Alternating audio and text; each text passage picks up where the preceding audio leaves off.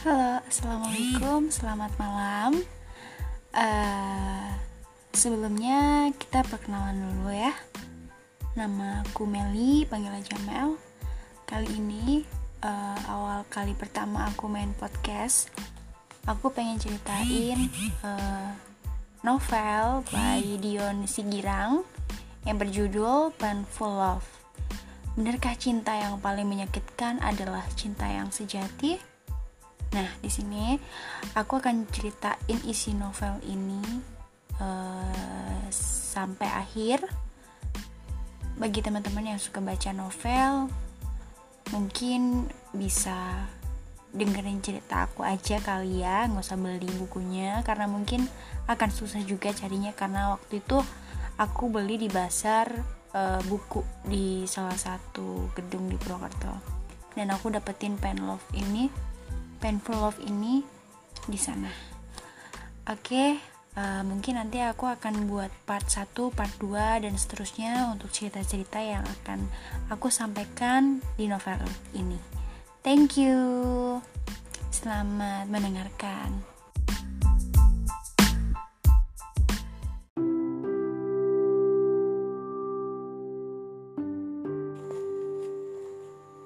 Katamu, Cinta adalah sesuatu yang selalu membuatmu tersenyum, bahkan bukan hanya kamu, tapi orang-orang yang berada di sekitarmu juga akan merasakannya. Itu kan katamu dulu, dulu, ya, dulu. Tetapi sekarang, lalu hari ini. Apa kata-katamu itu masih bisa dengan lantangnya kamu ucapkan? Tidak perlu dengan tersenyum pongah. Hei, ingat. Aku hanya saudara lelakimu, bukan pesaingmu. Ingat itu. Tak ada niatku untuk merebutnya darimu. Tapi sekarang, aku memiliki wanitamu. Apa kamu masih bisa tersenyum? Apa kamu akan tetap bahagia? Bodoh. Mengingat nama pun kamu tak bisa. Dan sekarang aku memiliki wanitamu. Aku juga merebut wanitamu dari lelakinya. Tapi aku tak sepertimu. Memilikinya karena cinta sehingga kamu merasakan kesakitan. Karena sampai saat ini Aku tak pernah paham tentang cinta. Aku memilikinya untukmu. Ya, untukmu. Tunggu di situ. Aku hanya akan mengantarkannya saja. Tidak lain. Tetaplah di sana. Sampai wanitamu datang dengan membawa apa yang selama ini kamu harapkan. Ya, cinta.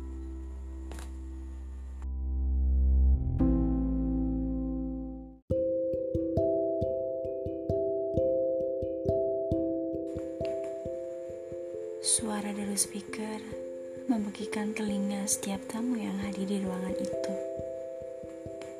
Namun, semuanya tampak menikmati setiap alunan musik yang berputar. Tatapan mereka terpaku pada panggung catwalk dengan model-model yang cantik yang tengah berlenggak-lenggok di atasnya. Memamerkan setiap leguk tubuh yang sempurna dalam balutan busana mewah.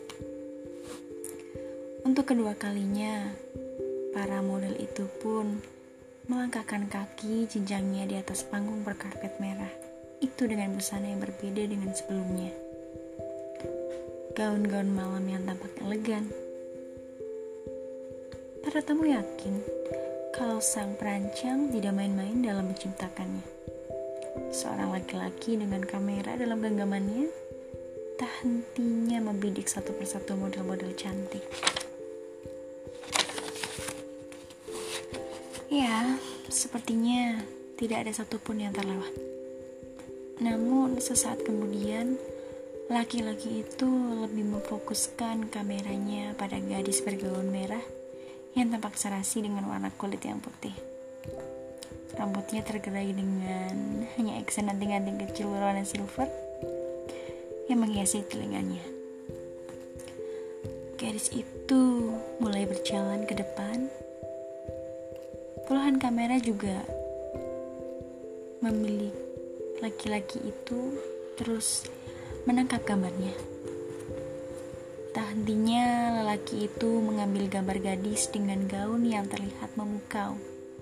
Entah berapa gambar yang sudah tersimpan di memori card kameranya. Sebuah senyuman tersungging ketika ia melihat-lihat kembali gambar yang baru saja ditangkapnya. Rambut ikalnya dicukur rapi, hanya menyisakan cambang yang tumbuh halus di pelipisnya, sorot mata tajam. Seperti berbicara dengan wanita mana pun yang ditatapnya pasti tak bisa berkutik, selain ingin terus memandangnya. Lagu-lagu dengan tempo cepat masih berputar keras dari speaker. Namun dengan tenangnya ia kembali membidik gadis itu di putaran ketiga dengan gaun berbeda yang lebih menawan.